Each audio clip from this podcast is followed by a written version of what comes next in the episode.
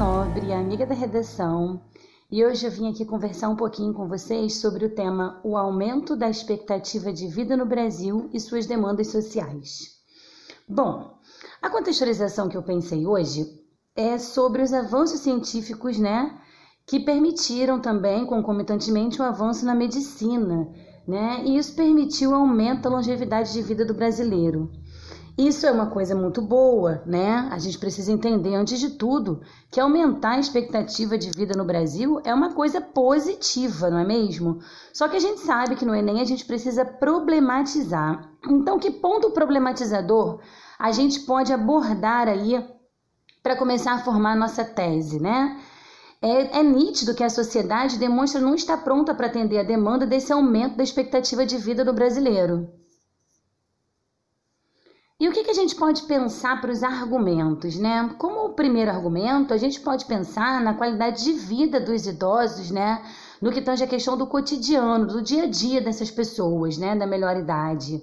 É, você pode destacar aí a falta de conhecimento sobre a tecnologia, que deixa esse idoso à margem de uma sociedade permeada pelos avanços tecnológicos.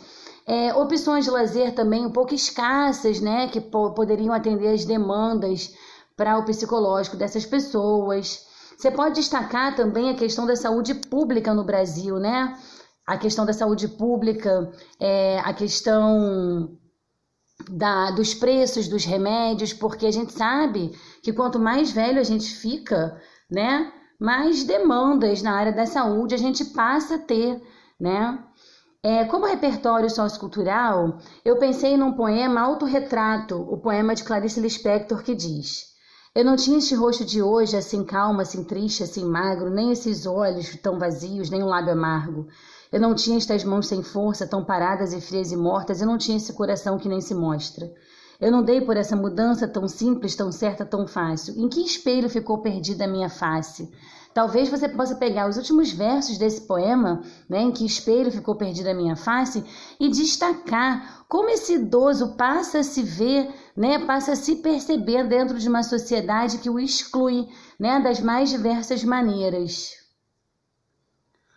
Um segundo ponto argumentativo possível é a situação financeira desses idosos, né, que seria uma segunda causa né, para a gente pensar assim, no segundo fator causador que, que demonstre né, que a sociedade realmente não esteja pronta para atender a expectativa de vida sendo aumentada na nossa sociedade. Quando a gente fala em questão financeira, é impossível não pensar rapidamente na reforma da Previdência, né, promulgada em 2017, que aumenta o tempo de o tempo necessário para que o idoso trabalhe, né? Só que isso você pode focar, né, fazer um, é, uma, uma associação com a ideia da escassez de empregos para as pessoas na melhor idade. Então você pensa, né, constitui-se um paradoxo, uma sociedade na qual se aumenta o número de anos necessários para que uma pessoa possa se aposentar, também não tem um mercado de trabalho amplo e preparado para receber essa pessoa.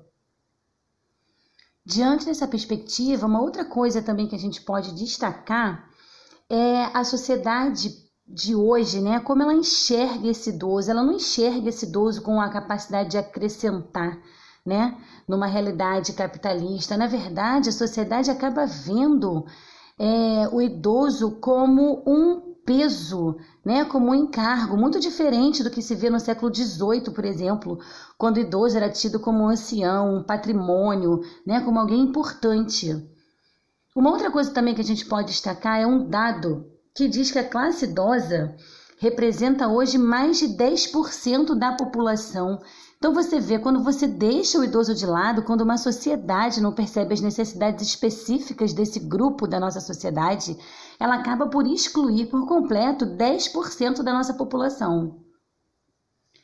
E em que medidas, né, que medidas de intervenção a gente pode pensar aí para serem tomadas? Né, a gente pode pensar é, em cursos é, que ajudem esse idoso a entrar né, no mercado de trabalho. A gente pode pensar em cursos também que façam esse idoso conseguir estar apto a usar a tecnologia que permeia a nossa realidade atual, né, criar mais opções de lazer com praça, em praças como jogos, né? Como até alguns projetos que existem da ginástica da terceira idade, valorizar esse idoso como um todo, né? Sobre a questão da reforma da previdência, a gente pode pensar aí né, num momento do próprio indivíduo como sociedade se manifestar em relação a essa problemática. Gente, então é isso, espero ter ajudado. Um beijão. Ai, não esquece, faz a reflexão final, aquela frasezinha circuito para amarrar o lacinho e dar de presente para o seu corretor. Um beijo e até a próxima.